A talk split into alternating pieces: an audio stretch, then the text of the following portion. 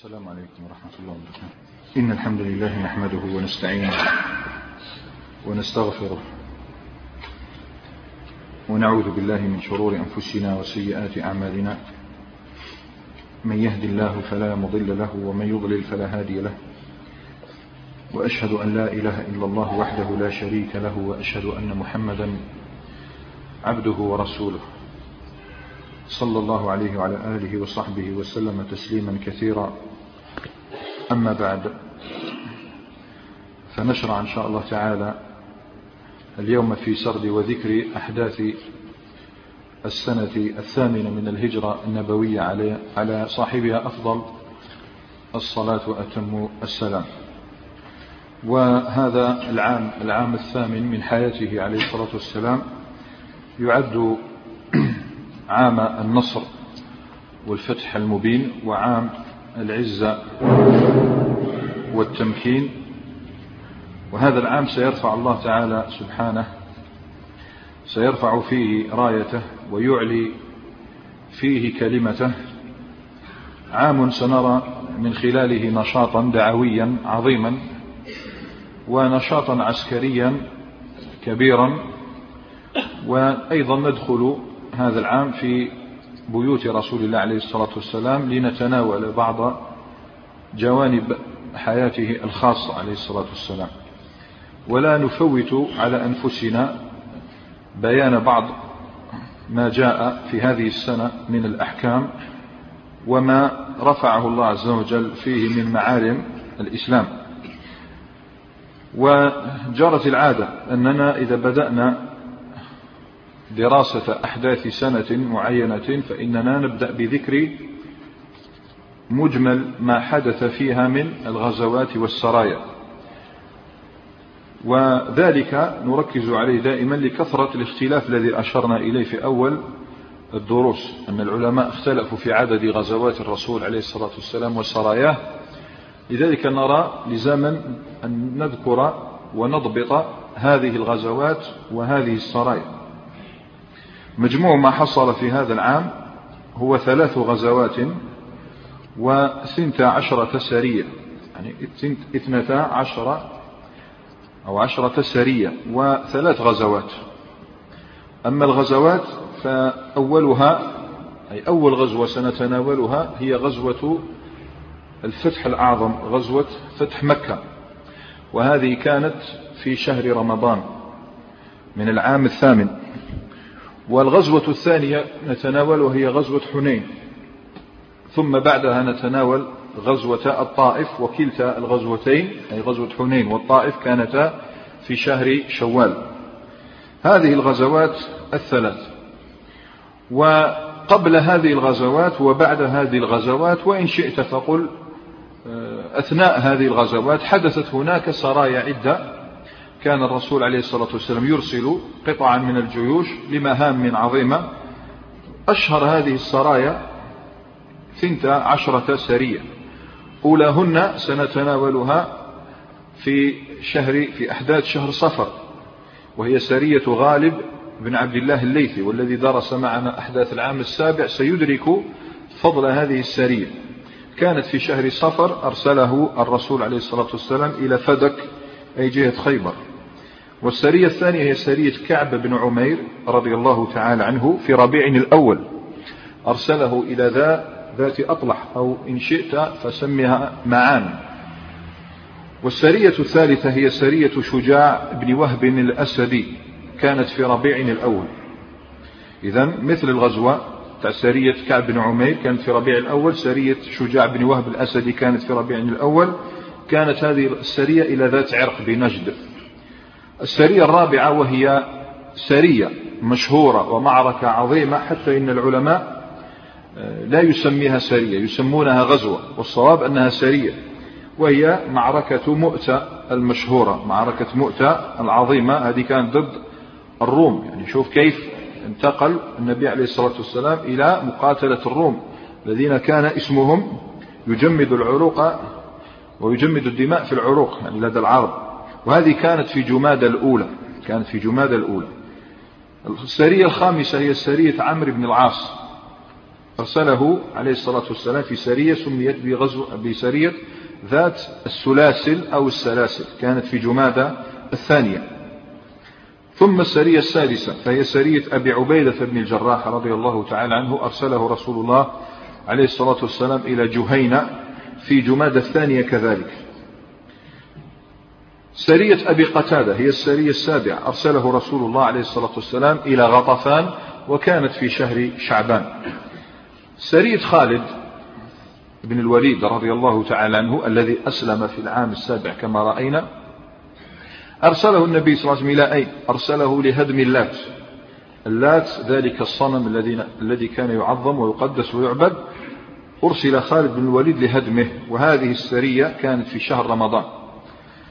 سرية خالد هي هدم اللات. بعدها سرية عمرو بن العاص لهدم سواع. سواع الذي كان يعبده قوم نوح ظل مع العرب. يعني ورثه الجاهليون بعضهم عن بعض. تولى هدمه عمرو بن العاص وكذلك كان ذلك في شهر رمضان. سرية سعد بن زيد كانت هذه لهدم منات. لهدم الطاغوت الأكبر منات. وكانت هذه أيضا في شهر رمضان. لاحظ شهر رمضان حدثت فيه فتح مكة وأربع سرايا لهدم طواغيت الأصنام. خالد بن الوليد وعمرو بن العاص وسرية سعد بن زيد والسرية الرابعة في شهر رمضان سرية الطفيل بن عمرو.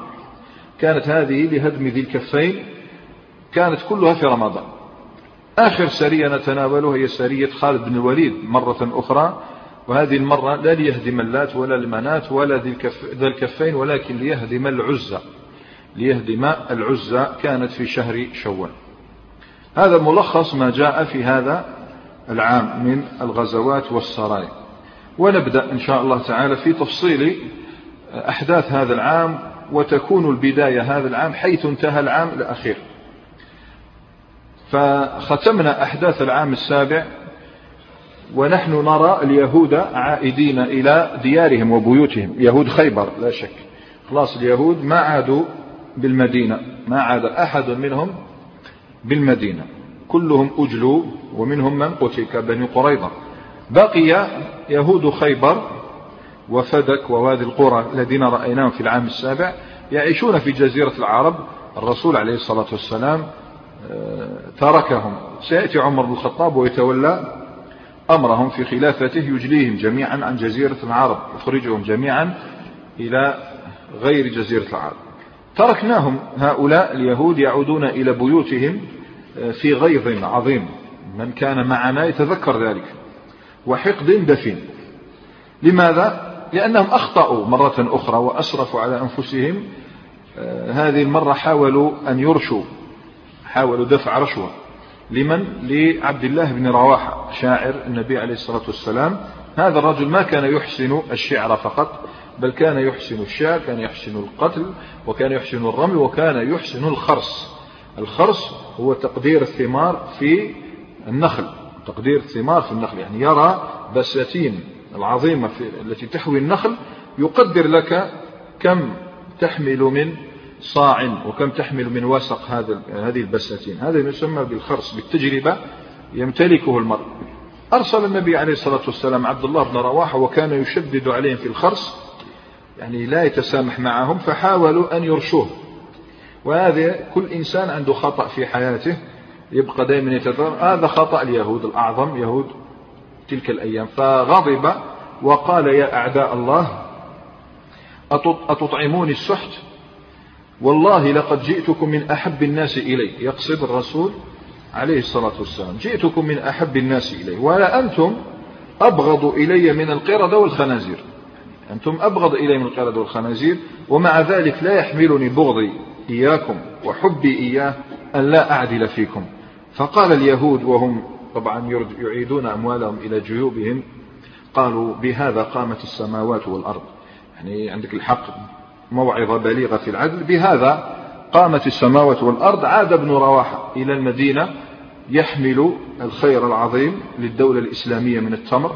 يعني خيبر جرت خيرا عظيما للمسلمين وعاد اليهود إلى بيوتهم بعد أن فشلت آه، تلك الرشوة رشوتهم وكبر عليهم طبعا أن يظلوا على هذا الحال. طوال العام هم يعملون في الأرض. لماذا؟ يعطون الشطر. لابد أن يعطوا الشطر ما يخرجون من خيبر إلى النبي صلى الله عليه وسلم. هذا الشطر هو الذي عصم به الله تعالى دماءهم يعني لولا هذا الصلح ما ما بقوا على قيد الحياة. كان الرسول عليه الصلاة والسلام قد هم بقتلهم عندما حاولوا قتله بالسم.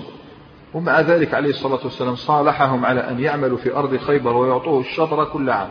هذا الشطر استكثروه وكبر عليهم أن يؤدوه كل عام. فعادوا إلى بيوتهم يخططون لجريمة جديدة ضد رأس الدولة الإسلامية رسول الله عليه الصلاة والسلام. هذه المرة فكروا أخيرا بأن يقوموا بسحر رسول الله عليه الصلاة والسلام. لذلك سنتناول إن شاء الله تعالى في هذه الجلسة وربما أخذ منا الوقت كله ذلك كله ذلك آه، يعني نتحدث عن هذه الحادثة سحر النبي عليه الصلاة والسلام وما تتعلق وما آه، يتخللها من أحكام وفوائد. قرروا سحر رسول الله عليه الصلاة والسلام ولم يجدوا أحدا أنسب للقيام بهذه الجريمة النكراء من غلام. هو خادم رسول الله عليه الصلاة والسلام. هو خادم رسول الله عليه الصلاة والسلام. يدعى لبيد بن الأعصم. لبيد بن الأعصم رجل هذا كان من بني زريق يعني من الخزرج من بطن من بطون الخزرج. قبل ما يأتي الرسول عليه الصلاة والسلام كان الأوس والخزرج يحالفون اليهود كما رأينا كانوا حلفاء لهم. وربما تهود بعض غلمان الأوس والخزرج متذكرين؟ يعني تهود بعضهم آه، لما كانت المرأة لا تلد أحدا إلا مات نذرت إن عاش لها ولد أن تهوده فهودوا بعض آه، أبنائهم. كان هذا الغلام لبيد بن الأعصم كان يهوديا. زد واعتنق الإسلام في الظاهر.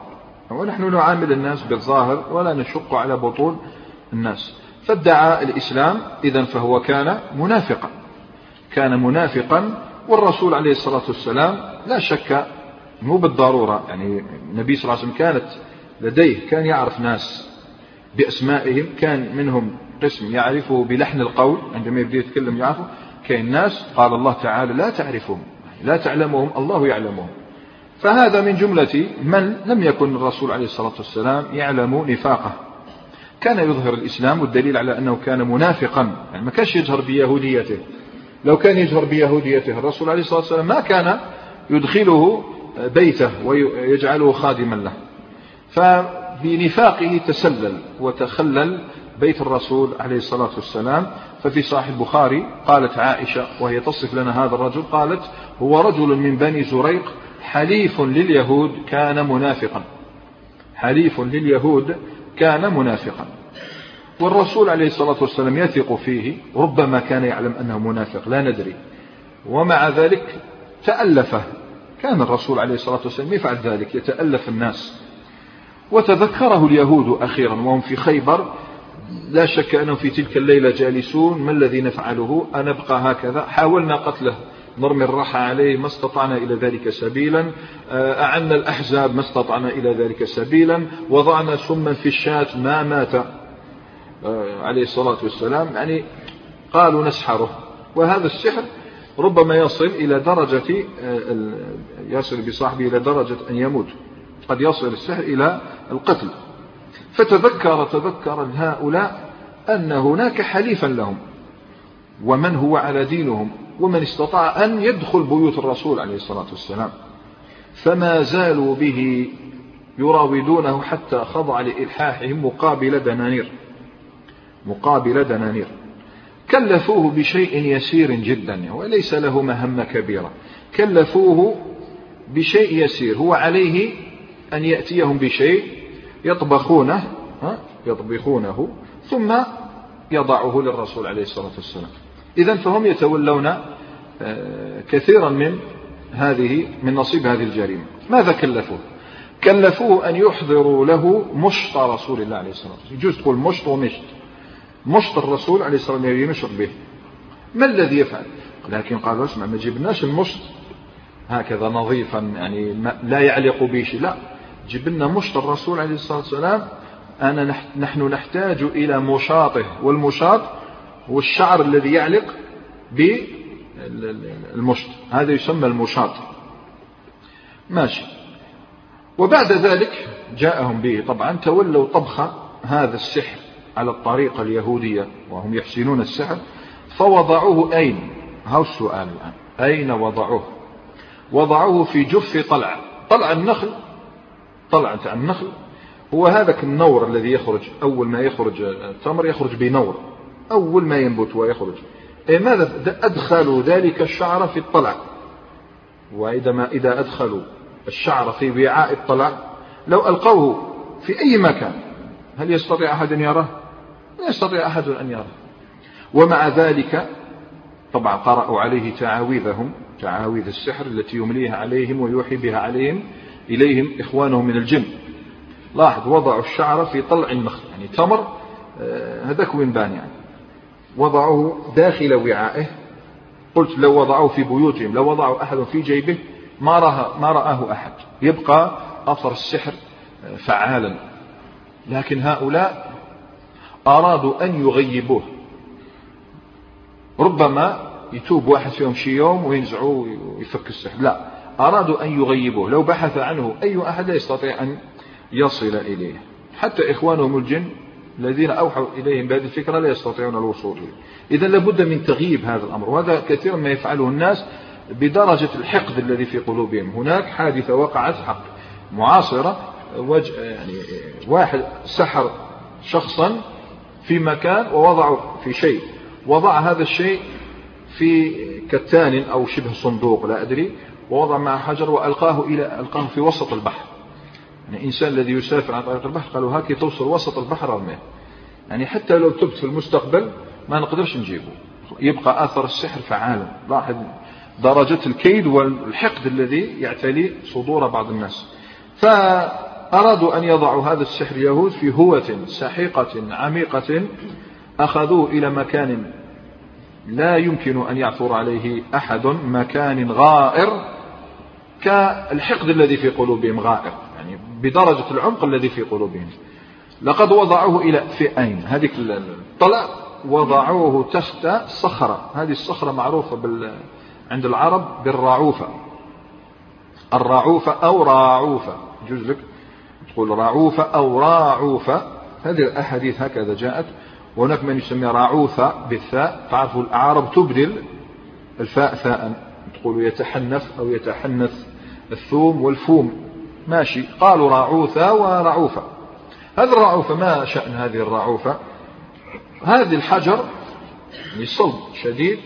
قال لك إما أن يوضع في أعلى البئر يوضع ثقيل جدا يوضع في أعلى البئر يصعد إليه من يريد السقيا. وهذا نوع من أنواع الصخر الذي يسمى راعوفة هناك نوع آخر يسمى راعوفة أيضا وهو يوضع أسفل البئر أسفل البئر. يعني إذا حفروا البئر قبل أن يجعلوا لها طيا وغير ذلك آه، عندما يحفرون البئر عندما يصلون إلى أسفل يجعلون حجرا صلبا ثقيلا لماذا؟ يحتاجه من ينزل إلى البئر لينظفه. أحيانا يقع شيء في البئر فيحتاج إلى تنظيف. أين سيقف؟ يقف على ذلك الصخر وهو الصعب. مع الأيام مع الأيام والماء ينزل عليه يلصق بالأرض. فوضعوه تحت شو الجهد الذي بذلوه. حملوا بكل قوتهم تلك الصخرة ووضعوا تلك الطلع آه، جف الطعن وضعوه تحت. لن يصل إليه أحد. هذا معنى آه، أو هذا هو الطبخ اليهودي للسحر. عادوا بعد ذلك إلى أوكارهم. لا يعلم أحد بما فعلوه ولا يدري أحد بحالهم وفعلهم إلا الله. لا تخفى عليه خافية. يستخفون من الناس ولا يستخفون من الله وهو معهم إذ يبيتون ما لا يرضى من القول. وكان الله بما يعملون محيطا. طبعا سرعان ما بدأ كان أثر هذا السحر فعالا جدا. سرعان ما أثر في رسول الله عليه الصلاة والسلام. بدأ يسري في جسده الطاهر صلى الله عليه وسلم. يعني هذا أثر على جسده. وما كان الله أبدا ليمكن أعداءه وإخوان القردة والخنازير الذين يعادون أولياءه أن يمكنهم من أن يمسوا بالسحر نتاعهم أن يمسوا عقل رسول الله عليه الصلاة والسلام ليؤثر على دعوته وجهاده أبدا. إنما أثر على جسده فقط. أثر على جسده فقط. أما الوحي والتبليغ فلا يأتيه الباطل من بين يديه ولا من خلفه. يعني ما مس عقل رسول الله عليه الصلاة والسلام في شيء. إنما أثر على جسده يظن آه، ظهر مع تلك الأيام أنه عليه الصلاة والسلام آه، طبعا هم كانوا يترب اليهود يترقبون عندهم اتصال بلبيد بن الأعصم. هل من خبر؟ لا زلت تدخل بيته. هل ظهر شيء من أثر السحر عليه؟ كانوا يسترقون السمع من هنا وهناك. ما الذي حدث يا لبيد؟ ظهر الخبر بأن الرسول عليه الصلاة والسلام بدأ يترك نساءه. ما عاد يقترب من نسائه ما عاد يجامع نساءه عليه الصلاة والسلام منذ أيام والأيام تمر ولا ندري ما الذي أراده اليهود بهذا ما ندري. هل أرادوا مجرد ذلك؟ هكذا نسكارا نحرمه من نسائه عليه الصلاة والسلام. أو أنهم أرادوا أكثر من ذلك أرادوا زعزعة مكانته أمام نسائه وأمام أصحابه فالذي لا يستطيع أن يأتي نساءه دليل على أنه قد كبر وضعف. لا يستطيع أن يقوم بأعباء الرسالة. أو ربما أرادوا أكثر من ذلك وأكثر إلا أن الله سلم. الله برك سلم. لا شك أنهم أرادوا أكثر من ذلك. طلاسم السحر هذه صعبة جدا. المهم أن الله تعالى سلم. تقول لنا أم المؤمنين عائشة لأنه كان لديها ولاحظت هذه الأمور وهو الذي أخبر عليه الصلاة والسلام بما حدث. جاء في الصحيحين عن عائشة رضي الله تعالى عنها قالت سحر رسول الله عليه الصلاة والسلام رجل من بني زريق. يهودي من يهود بني زريق. شو تفصل لك في رواية الأخرى قال كان منافقا. يقال له لبيد بن الأعصم.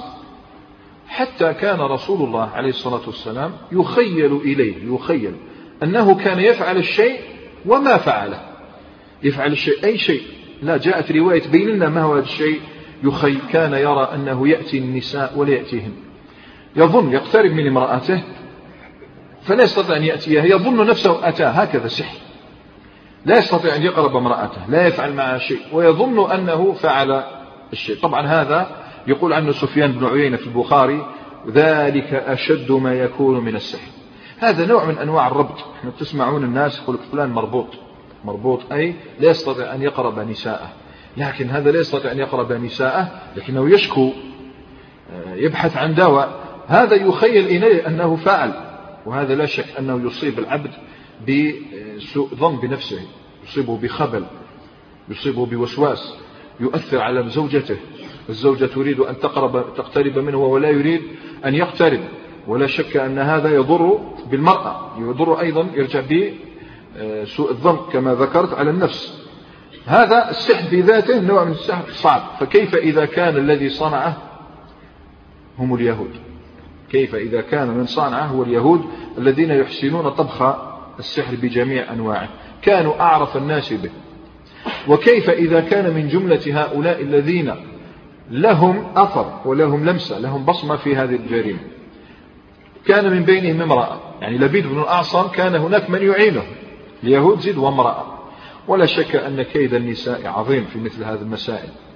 الله سبحانه وتعالى صحيح أنه أمرنا بأن نتعوذ من شر الصحارى لكنه خص النساء بالذكر فقال ومن شر النفاثات في العقد ما قالش ومن شر النفاثين في العقد من شر النفاثات كأن النساء يكثر فيهن ممارسة السحر. هذا على أحد التفسيرين لأن هنا في تفسير هذه الآية قولان.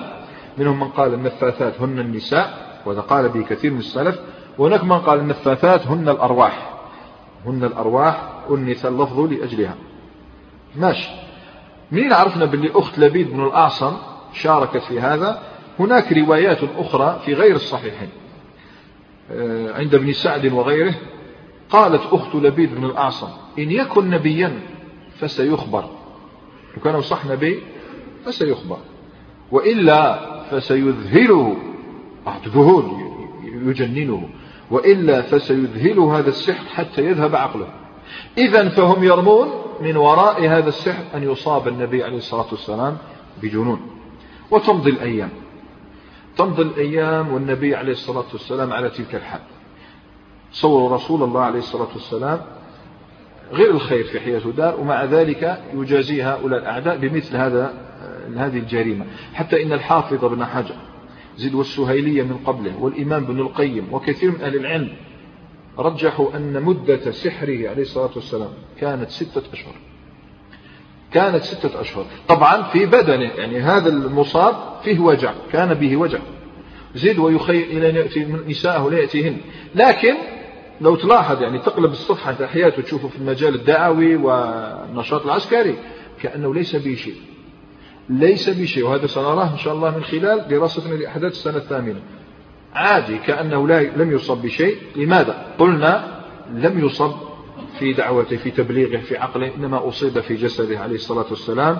جاء في دلائل النبوة للبيهقي رحمه الله عن عائشة نفسها قالت كان يدور في البيت صلى الله عليه وسلم. يدور ولا يدري ما وجعه. به وجع ولا يدري من أين هذا الوجع. ماشي. فعاش الرسول عليه الصلاة والسلام في جوانب دعوته رسولا مبلغا. لا يفتر ساعة لكن في جانب بشريته عليه الصلاة والسلام أصيب في مقتل. كلام أخت بن نبيل وش قالت؟ إن يكن نبيا فسيخبر وإلا فسيذهله السحر حتى يذهب عقله. الاحتمال الأول هو الذي حدث ولله الحمد.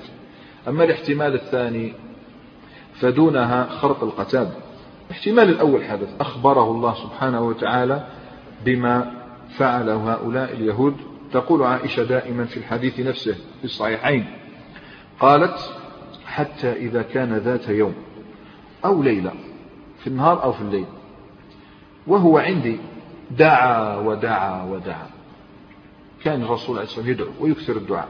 هذا هو السبيل لمن أصيب بالعين أو أصيب بالسحر أو أصيب بالفتور وغير ذلك أنه يلجأ إلى الله لاحظ دعا ودعا يعني تكرار الإلحاح في الدعاء الإلحاح في الدعاء. وكان الرسول عليه الصلاة والسلام هذه هي كانت هذه هي عادته أنه يكثر ويعيد الدعاء.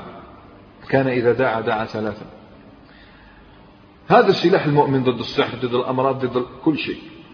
فدعا وجلس إلى عائشة. فإذا به يقول يا عائشة أشعرت أي أعلمت؟ أشعرت أن الله أفتاني. شوف سبحان الله أمن يجيب المضطر إذا دعا. خلاص.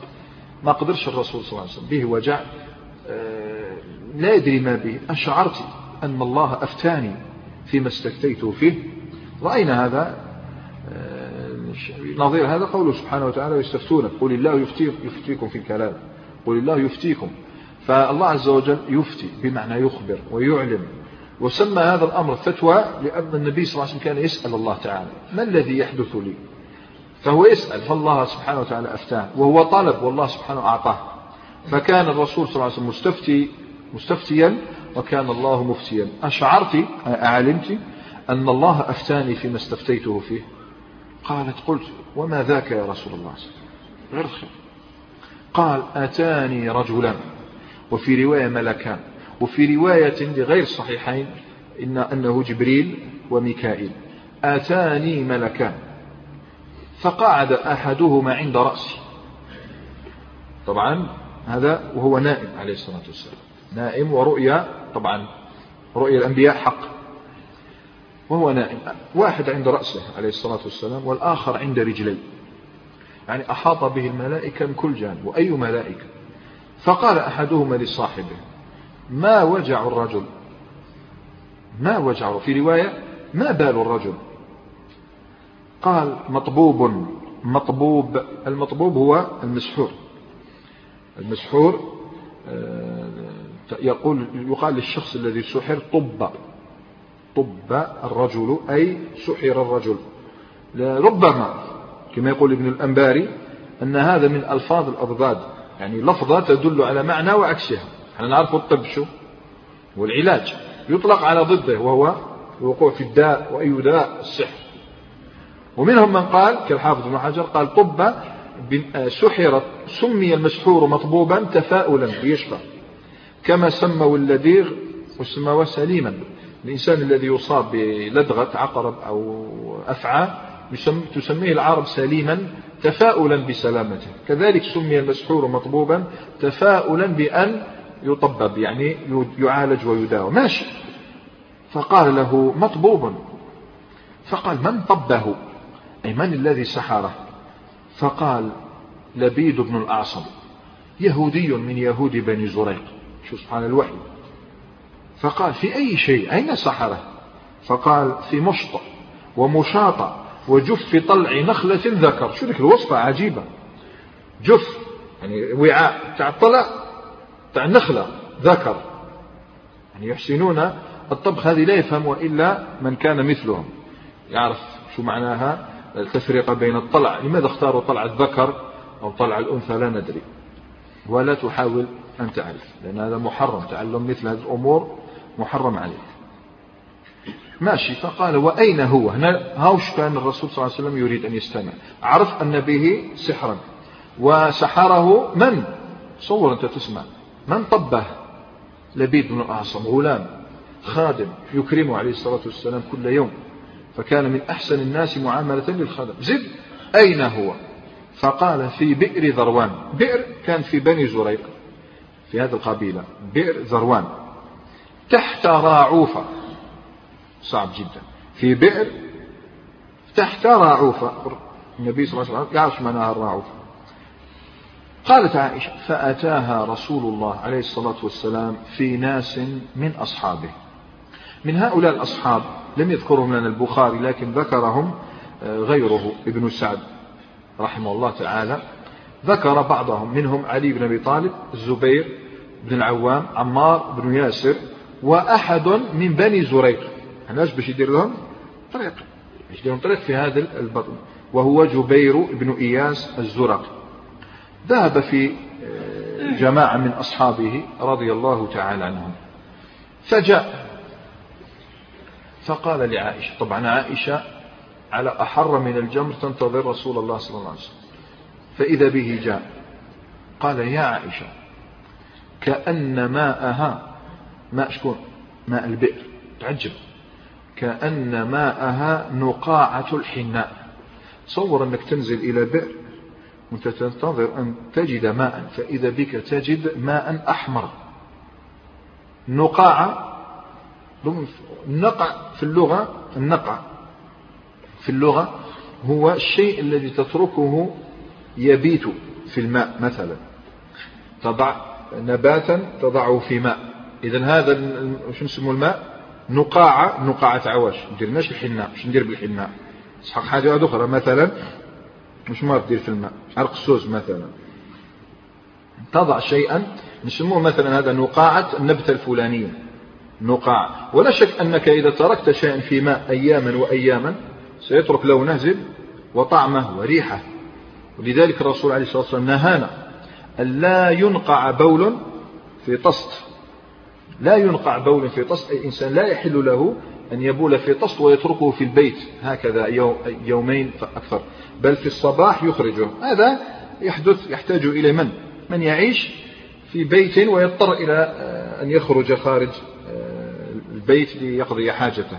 هذا له الرسول صلى الله عليه وسلم كان يفعل هذا. كان له طست آه، يبول فيه ويضعه تحت سريره عليه الصلاة والسلام. لكن لا يتركه ينتقع. وش تشبه كلمة ينتقع؟ مستنقع صح؟ مستنقع. المستنقع هو الماء الذي يطول مكته فيتغير ريحه. ماشي.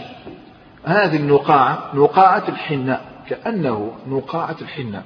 كأنك تركت حناء أياما وأياما في ماء فغيرت لونها. إيه بصح هذه بئر. هذه وشنو بئر. جف هذا طلع. جف طلع صغير يغير بئر كاملة.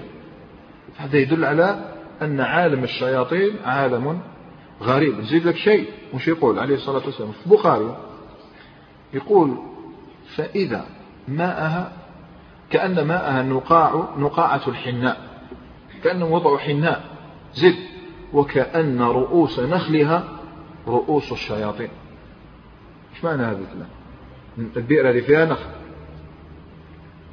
ما فيها نخل.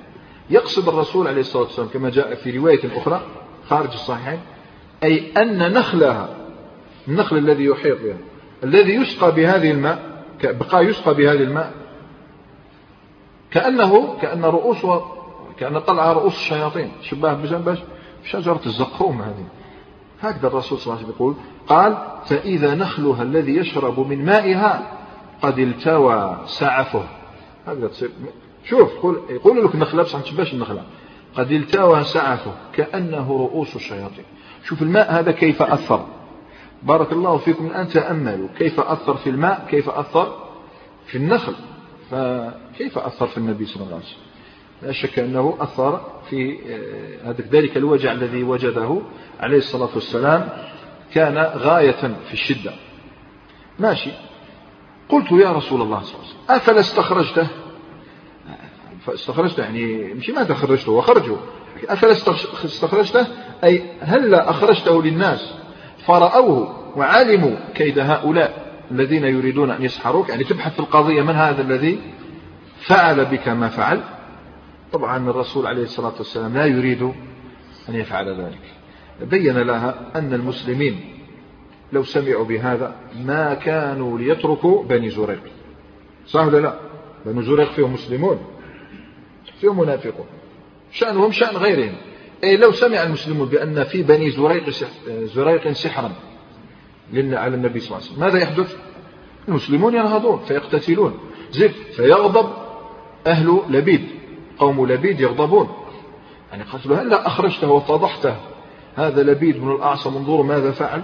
قال واحد صار فتنة وشر فأجابها عليه الصلاة والسلام. أما أنا فقد شفاني. يعني الحمد لله لكن العبرة واش العبرة أنني أشفى. خلاص أما أنا فقد شفاني الله وخشيت أن يثير ذلك على الناس شرا. سجل يا أخي سجل. سجل مواقف الرسول صلى الله عليه وسلم. كيف يذرأ؟ السيئة آه، بالحسن. وكيف يراعي المصلحة؟ شوف يعني أمر عظيم داروا يعني السحر.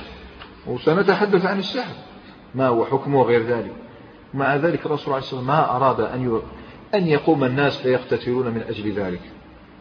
طبعا عائشة وش قالت؟ أفلا؟ أفلا؟ استخرجته على من على السحر هذاك وتبينه. إحنا نقول أفلا ذبحته؟ ذاك الشخص هذاك وش دار الرسول عليه الصلاة والسلام؟ يروي لنا زيد بن أرقم لا شك أنه كان معه. يروي لنا زيد بن أرقم ما يبين لنا أمر السحر كيف استخرج زد وأمر الساحر كيف عومل كيف عمله عليه الصلاة والسلام. روى ابن أبي شيبة وعبد ابن حميد في مسنده بسند صحيح. عن زيد بن أرقم قال شوف هذا زيد بن أرقم كان حاضر. أو حكي أو حكوا له ذلك. قال سحر النبي صلى الله عليه وسلم رجل من اليهود فاشتكى عليه الصلاة والسلام فأتاه جبريل. شوف تفاصيل هذه القصة فيها تفاصيل أكثر. فأتاه جبريل عليه السلام فنزل عليه بالمعوذتين. ماذا نفهم؟ أن المعوذتين من الصور من الصور المدنية. انتبهنا من الصور المدنية وهذا الذي ذهب إليه كثير من أهل العلم ورجح السيوطي رحمه الله في الإتقان. طبعا هو يدل على هذا أنهما مدنيتان. لماذا؟ بعض الكتب يقولوا مكية هذا خطأ أول ما فيش دليل ثانيا قصة السحر تدل على هذا. زد صاح مسلم عن عقبة بن عامر وعقبة بن عامر عقبة بن عامر وش نسبه؟ نسبه مهاجري ولا أنصاري؟ أنصاري. وهو أسلم بعد مجيء الرسول صلى الله عليه وسلم إلى المدينة. صاح مسلم قال كنت مع رسول الله عليه الصلاة والسلام فقلت له أقرأ طبعا قال اقرأ لي شوية من سورة هود وشوية من سورة يوسف. فقال له النبي عليه الصلاة والسلام ألم ترى آيات أنزلت علي الليلة؟ لم يرى مثلهن قط. هذا رأيناه في صحيح الترغيب والترهيب في فضل قراءة المعوذتين.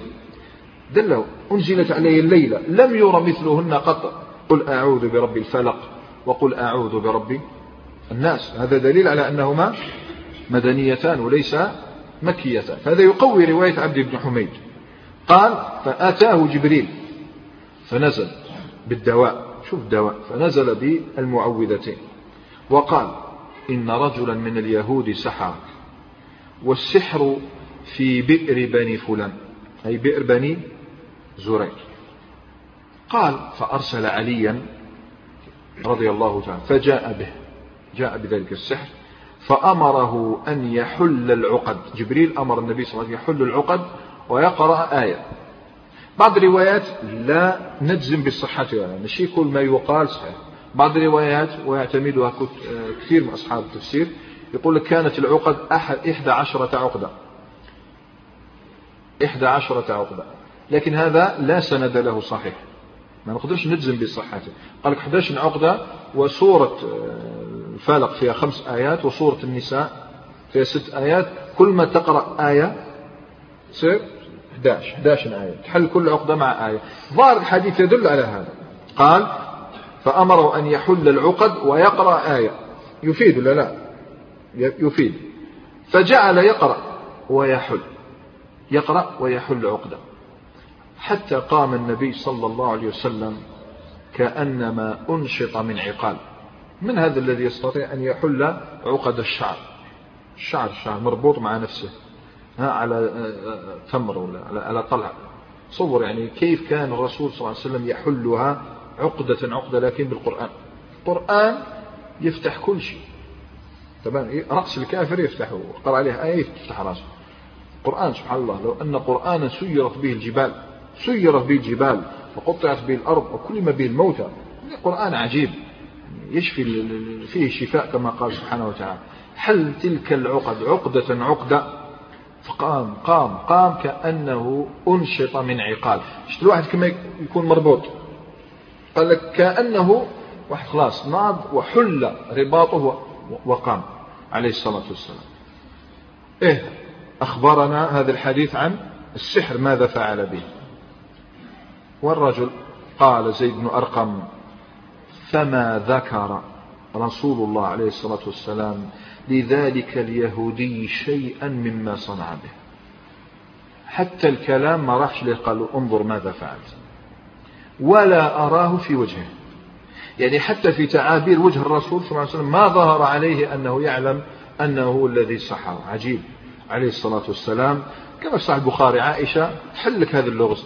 قالت والله ما انتقم رسول الله عليه الصلاة والسلام لنفسه في شيء قط إنما كان ينتقم إذا انتهكت حرمات الله ينتقم لنفسه يعني أصبت في نفسي لا أنتقم. كان شعاره عليه الصلاة والسلام فاعفوا واصفحوا حتى يأتي الله بأمره إن الله على كل شيء قدير. إن الله على كل شيء قدير. انظر ماذا كيف يذكر رسول الله عليه الصلاة والسلام في كل مجلس يصلى عليه ويثنى عليه وما ذكر الله إلا ذكر رسول الله عليه الصلاة والسلام. انظر لبيد بن الأعصم. أين؟ ما ذكروا ما ذكر اليهود إلا باللعنة والشتم والقبح. بل يذكر علماء العقائد علماء التاريخ أن هذا الساحر لبيد بن الأعصم من صلبه خرج الجهم بن صفوان. جهم بن صفوان صاحب عقيدة الجهمية. من صلبه يعني هو حفيده يعني من أحفاده. جاء بن صفوان هذا الذي لا شك أنه دسيسة أصحاب المقالات دسائس أو مثلا مذهب الشيعي. من من رائده من رأي عبد الله بن سبأ؟ يهودي يعني اليهود يعني هم رأس رؤوس الفرق الضالة دخلوا في المسلمين لينشروا سمومهم بعدما عجزوا أن ينشروا سمهم في رسول الله عليه الصلاة والسلام. ماشي. لكن إذا رأينا أن الرسول صلى الله عليه وسلم عفى عنه. هل هذا الفعل العفو يجعل أصلا؟ يجعل هو الحكم الشرعي؟ هل هذا الفعل بتاع الرسول صلى الله عليه وسلم يعارض به ما أثبته لنا رسول الله عليه الصلاة والسلام في حكم الساحر؟ ونحن نعلم أن الساحر كافر. كلمة واحدة. الساحر كافر. يستحيل مستحيل هذه ناحية كاع من راسك يصير الإنسان ساحر إلا إذا كفر مستحيل. يصير الإنسان ساحرا إلا إذا كفر يعني من شروط السحر أن تكفر بالله تعالى. فيملي عليهم الشياطين أن يدنسوا كلام الله ويكفروا بالله. فمنهم والعياذ بالله من يبول على المصحف حتى يعطى تأشيرة الدخول إلى عالم السحرة. لابد. منهم من يجعل فيه دم الحيض والعياذ بالله. دم الحيض تاع مرأة يجعل على المصحف. وهكذا يعني أشياء يندى لها جبين الإنسان منهم من يؤمر بقطع تقطيع المصحف ويرميه في بيوت الخلاء. عندئذ يعطى تأشيرة الدخول إلى عالم السحارة. فلا بد أن يكفر يستحيل. والذي يفعل هذا لذلك آه، مذهب أهل السنة بالحكم بكفر الساحر. كفر الساحر قال سبحانه وتعالى وما كفر سليمان ولكن الشياطين كفروا يعلمون الناس السحر. هذا نص في كفر الساحر. ما حكمه؟ إذا كافر مرتد. والمرتد في الصحيحين عن ابن عباس من بدل دينه فاقتلوه. من بدل دينه فاقتلوه. وفي سنن الترمذي عن جندب بن عبد الله البجلي آه، الأصح أنه موقوف لكن هذا لا يقال من قبل الرأي. قال حد الساحر ضربة بالسيف. حد الساحر ضربة بالسيف. لا بد أن يقتل. وقال الترمذي رحمه الله والعمل على هذا عند بعض أهل العلم من أصحاب النبي صلى الله عليه وسلم وغيرهم. وهو قول الإمام مالك بن أنس أكثر الناس تشددا على الساحر هو مالك بن أنس إمام أهل المدينة. جرى على هذا عمل الصحابة. لا يعلم له مخالف. يعني التلميذ يقول بعض الصحابة لكن هل هناك مخالف؟ ليس هناك من خالف جندب بن عبد الله ولا حفصة كما سيأتي.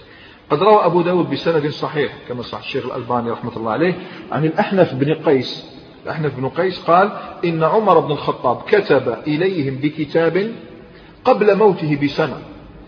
قبل موته بسنة. اقتلوا كل ساحر.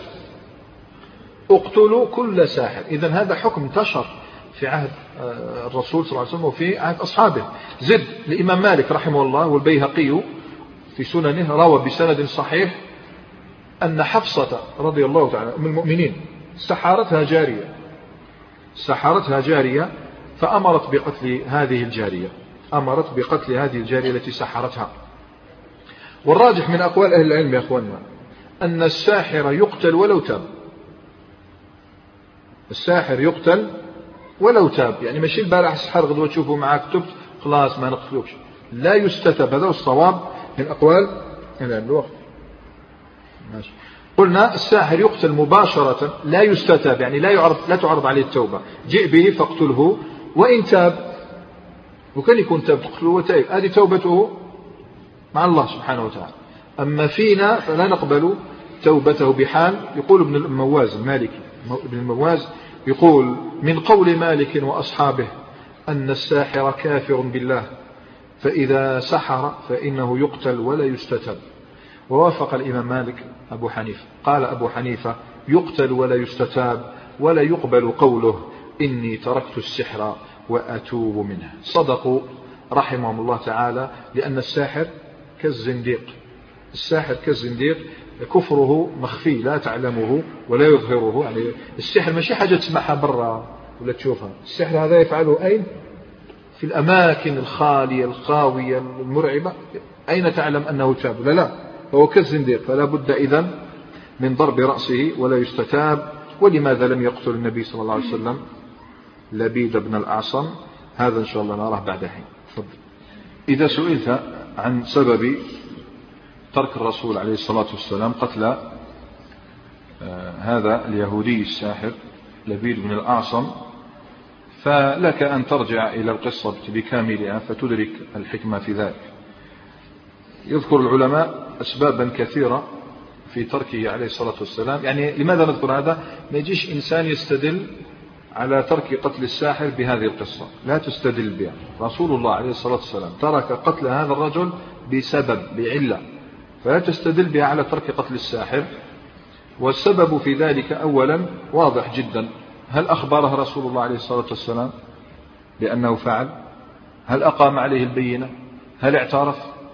نحن نعرف أن الحدود بماذا تقام؟ بماذا تقام؟ تقام إما بالإقرار إنسان يجي قر أو بالبينة تقيم عليه البينة. فالرسول عليه الصلاة والسلام أصلا لم يخاطب ولم يحدثها عن فعله ولم يقم عليه البينة على ذلك. لم يعترف لبيد بن عاصم فأي بأي سبب تحل دمه؟ فهم. اللي يجي إنسان يقول لك يجلد الزاني. نعم يجلد الزاني لكن بما بالبينة ولا لا؟ أو ب أو بالإقرار. يجي يعترف. ماشي.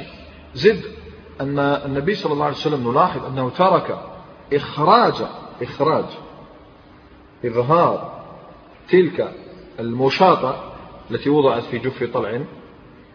أبى أن يخرجها للناس ويخبرهم بأنه فعل ذلك. لبيد بن الأعصم. لماذا ذرأا للفتنة. فكيف لو قتله؟ لو قتله لحدثت فتنة أكثر. رسول وشفت النص. وش قال؟ بماذا أجاب الرسول صلى الله عليه وسلم؟ عائشة قال لها إني تركت ذلك خشية الشر أن يكون بين الناس. ما أراد أن يفعل ذلك. إذا فلا يأتي أحد ويستدل بهذه القصة على ترك قتل الساحر. زد أن الرسول صلى الله عليه وسلم جرت عادته مع المنافقين أنه ما قتلهم لأجل أمر أعظم كالكفر بالله سبحانه وتعالى. فخشية أن يقول الناس إن محمدا يقتل أصحابه. المهم ما ذكرته أولا هو أكثر شيء هذا ذكره ابن القيم رحمه الله تعالى في زاد المعاد يبين لك الحكمة من ترك قتله لبيد بن الأعصم. هذا الحديث عن اليهودي هذا لماذا لم يفعل فماذا عن تلك المشاطة؟ ماذا فعل بها؟ رسول الله عليه الصلاة والسلام تقول عائشة في تكملة حديثها قالت فأمر بها فدفنت. أمر بها فدفنت. بل ثم دفنت البئر. هكذا تقول في صحيح البخاري. ثم دفنت البئر. طبعا تدفن البئر لئلا يستقي منها الناس. فإن بها سحرا زد وأفسدت النخل فلا بد أن تطوى حتى يذهب عنها ذلك. دفنت البئر. ونلاحظ أن الرسول صلى الله عليه وسلم دفن عقاب اليهودي ودفن المشاطة ودفن البئر. طبعا نريد أيضا نحن أن ندفن شيئا الآن. نريد أن ندفن أقوالا قيلت. للأسف آه، بعض من ي... طبعا بعض المسلمين ينكرون من القدامى المدرسة العقلية المتكلمون الفلاسفة أهل الكلام وهم لا يزالون يفرخون علينا في كل آه، عصر يفرخون علينا آه، من يتبعهم على هذه الأقوال. المدرسة العقلية للأسف انتشرت في هذا الزمان يردون النصوص بعقولهم الكاسدة وأرائهم الفاسدة ظنا منهم أنهم هم فقط هم أصحاب العقول. فلا بد إذن أن ندفن تلك الأقوال التي روجوها. قديما كانوا يردون على الأقل يأتون بنصوص قديما. ردوا مسألة حادثة السحر لكن كانوا يأتون بنصوص. الآن يأتي لا يأتي بشيء. فلذلك رأينا بعدما تحدثنا عن حادثة السحر وحكم الساحر نتحدث أيضا عن دفع الشبه عن هذه الأحاديث التي سردناها الآن. يقول الإمام المازري رحمه الله أنكر بعض المبتدعة أنكر بعض المبتدعة هذا الحديث وزعموا أنه يحط من منصب النبوة ويشكك فيها. قال السحر خلاص مولاش نبي هذا؟ وزعموا أن تجويز هذا يعدم الثقة بما شرعه من الشرائع. قالت الناس ما توليش تثق في الرسول. الآن لو يتحدث شكون؟ النبي المعصوم ولا النبي المسحور؟ مفهوم؟ زد قالوا يحتمل أنه يخيل إليه أنه جبريل أتاه وهو ما أتاه. يخيل إليه أنه أوحى إليه شيء وهو لم يوحي إليه بشيء. أرادوا أن يدعموا طبعا قولهم هذا بقوله سبحانه وتعالى في سورة المائدة يا أيها آه، والله يعصمك من الناس. إن الله لا يهدي القوم إن الله لا يهدي القوم الكافرين. الله يعصمك من الناس. بل بالغ بعضهم قديما فصنف كتابا في الرد على هذه الأحاديث وقالوا لم يكن هذا أبدا. اللي كانوا عايشين؟ قال لأن النبي صلى الله عليه وسلم مستحيل أن يسحر. لو سحر لكان في ذلك تصديق لما قاله الكفار إن تتبعون إلا رجلا مسحورا.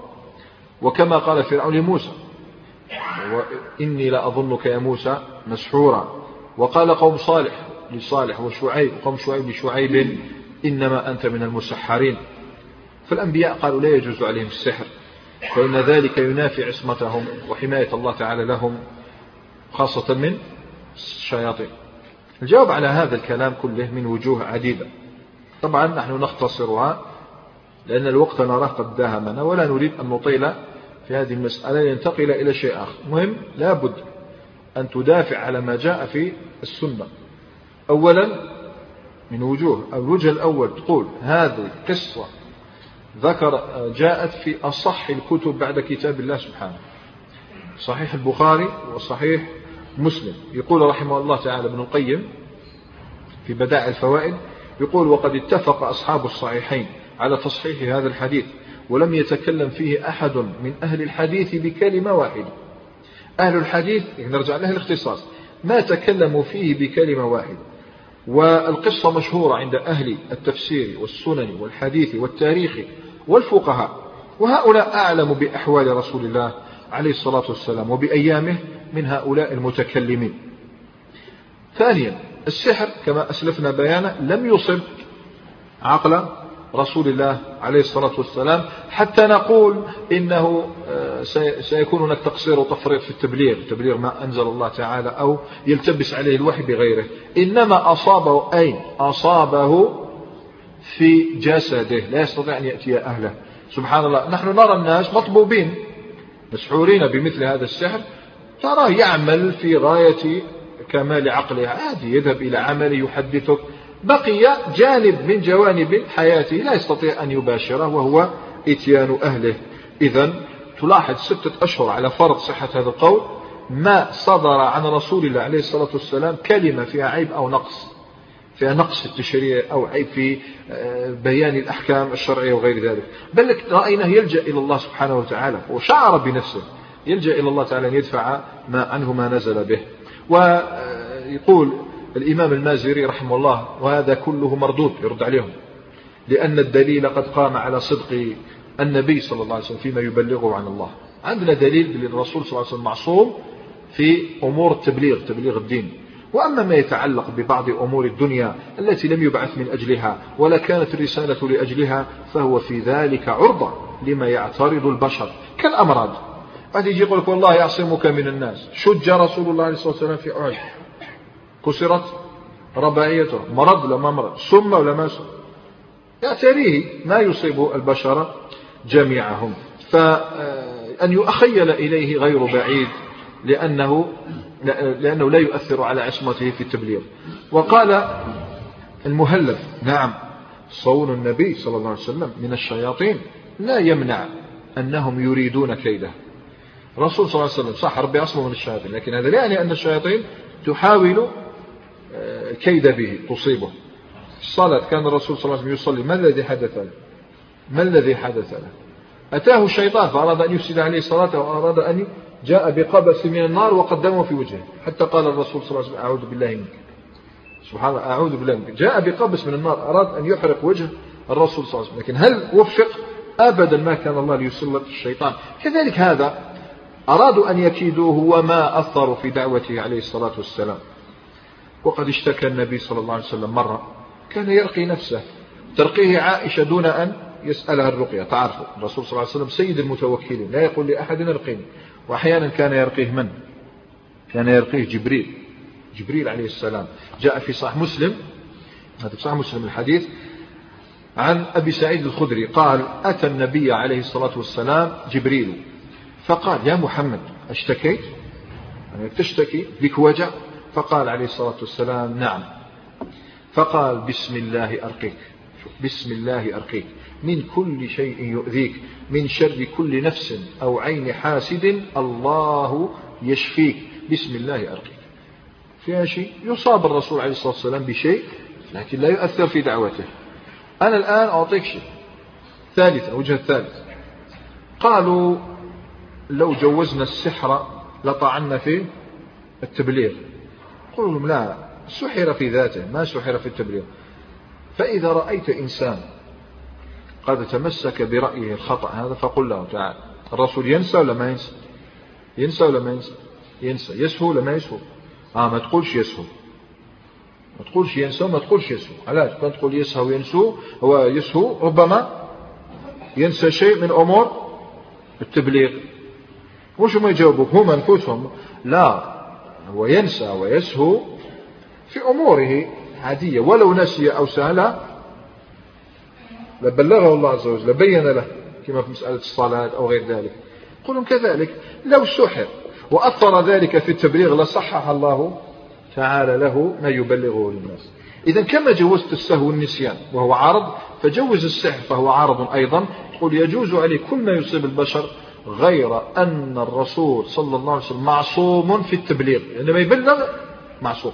لا يخبرك بشيء خطأ أو شيء يمر هكذا. الله سبحانه فوق سبع سماوات يصحح للرسول عليه الصلاة والسلام. اجتهاد للنبي صلى الله عليه وسلم جائز ولا ما جائز؟ جائز يجتهد. قد يخطئ نعم لكن يصوبه الله سبحانه وتعالى فور وقوعه في الخطأ. زد رابعا وأخيرا لكي لا نطيل. استدلالهم بآية المائدة في غير محله. استدلالهم بآية المائدة لماذا؟ المقصود بالله الله يعصمك من الناس أي في التبليغ. أي ما دمت تبلغ سيعصمك الله.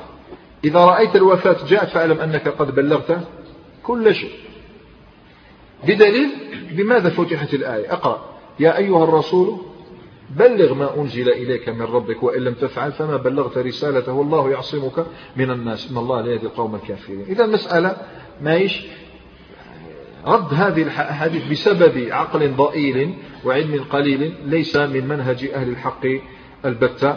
فعصم الله نبيه عليه الصلاة والسلام ورد كيد الكافرين وعاد النبي صلى الله عليه وسلم إلى طبيعة حياته عاد إلى نسائه أمهات المؤمنين. وبما أننا نتحدث عن أمهات المؤمنين فلا بد إذن أن نلتجئ إلى قوم آخرين من الملحدين الذين يطعنون في الدين الذين حاولوا وقد اكتمل النصاب بتاع الرسول صلى الله عليه وسلم. تسع نسوة الآن تحته. تسع نسوة تحته سودة عائشة حفصة أم سلمة وزينب بن جحش وصفية وأم حبيبة رضي الله تعالى عنها وميمونة بنت الحارث وجويرية بنت الحارث. تسع نسوة تحته عليه الصلاة والسلام. أراد بعضهم أن يصطاد في الماء العاكر فراح يقذف رسول الله عليه الصلاة والسلام بأنه قد آه، تمرغ في أوحال الشهوانية كبرت كلمة تخرج من أفواههم إن يقولون إلا كذبا وهذا إن شاء الله سنعقد له فصلا في دفع الشبه من عن زواجه بتسع عليه الصلاة والسلام في مجلسنا اللاحق. نكتفي بهذا. سبحانك اللهم وبحمدك أشهد أن لا إله إلا أنت أستغفرك وأتوب إليك. والسلام عليكم ورحمة الله.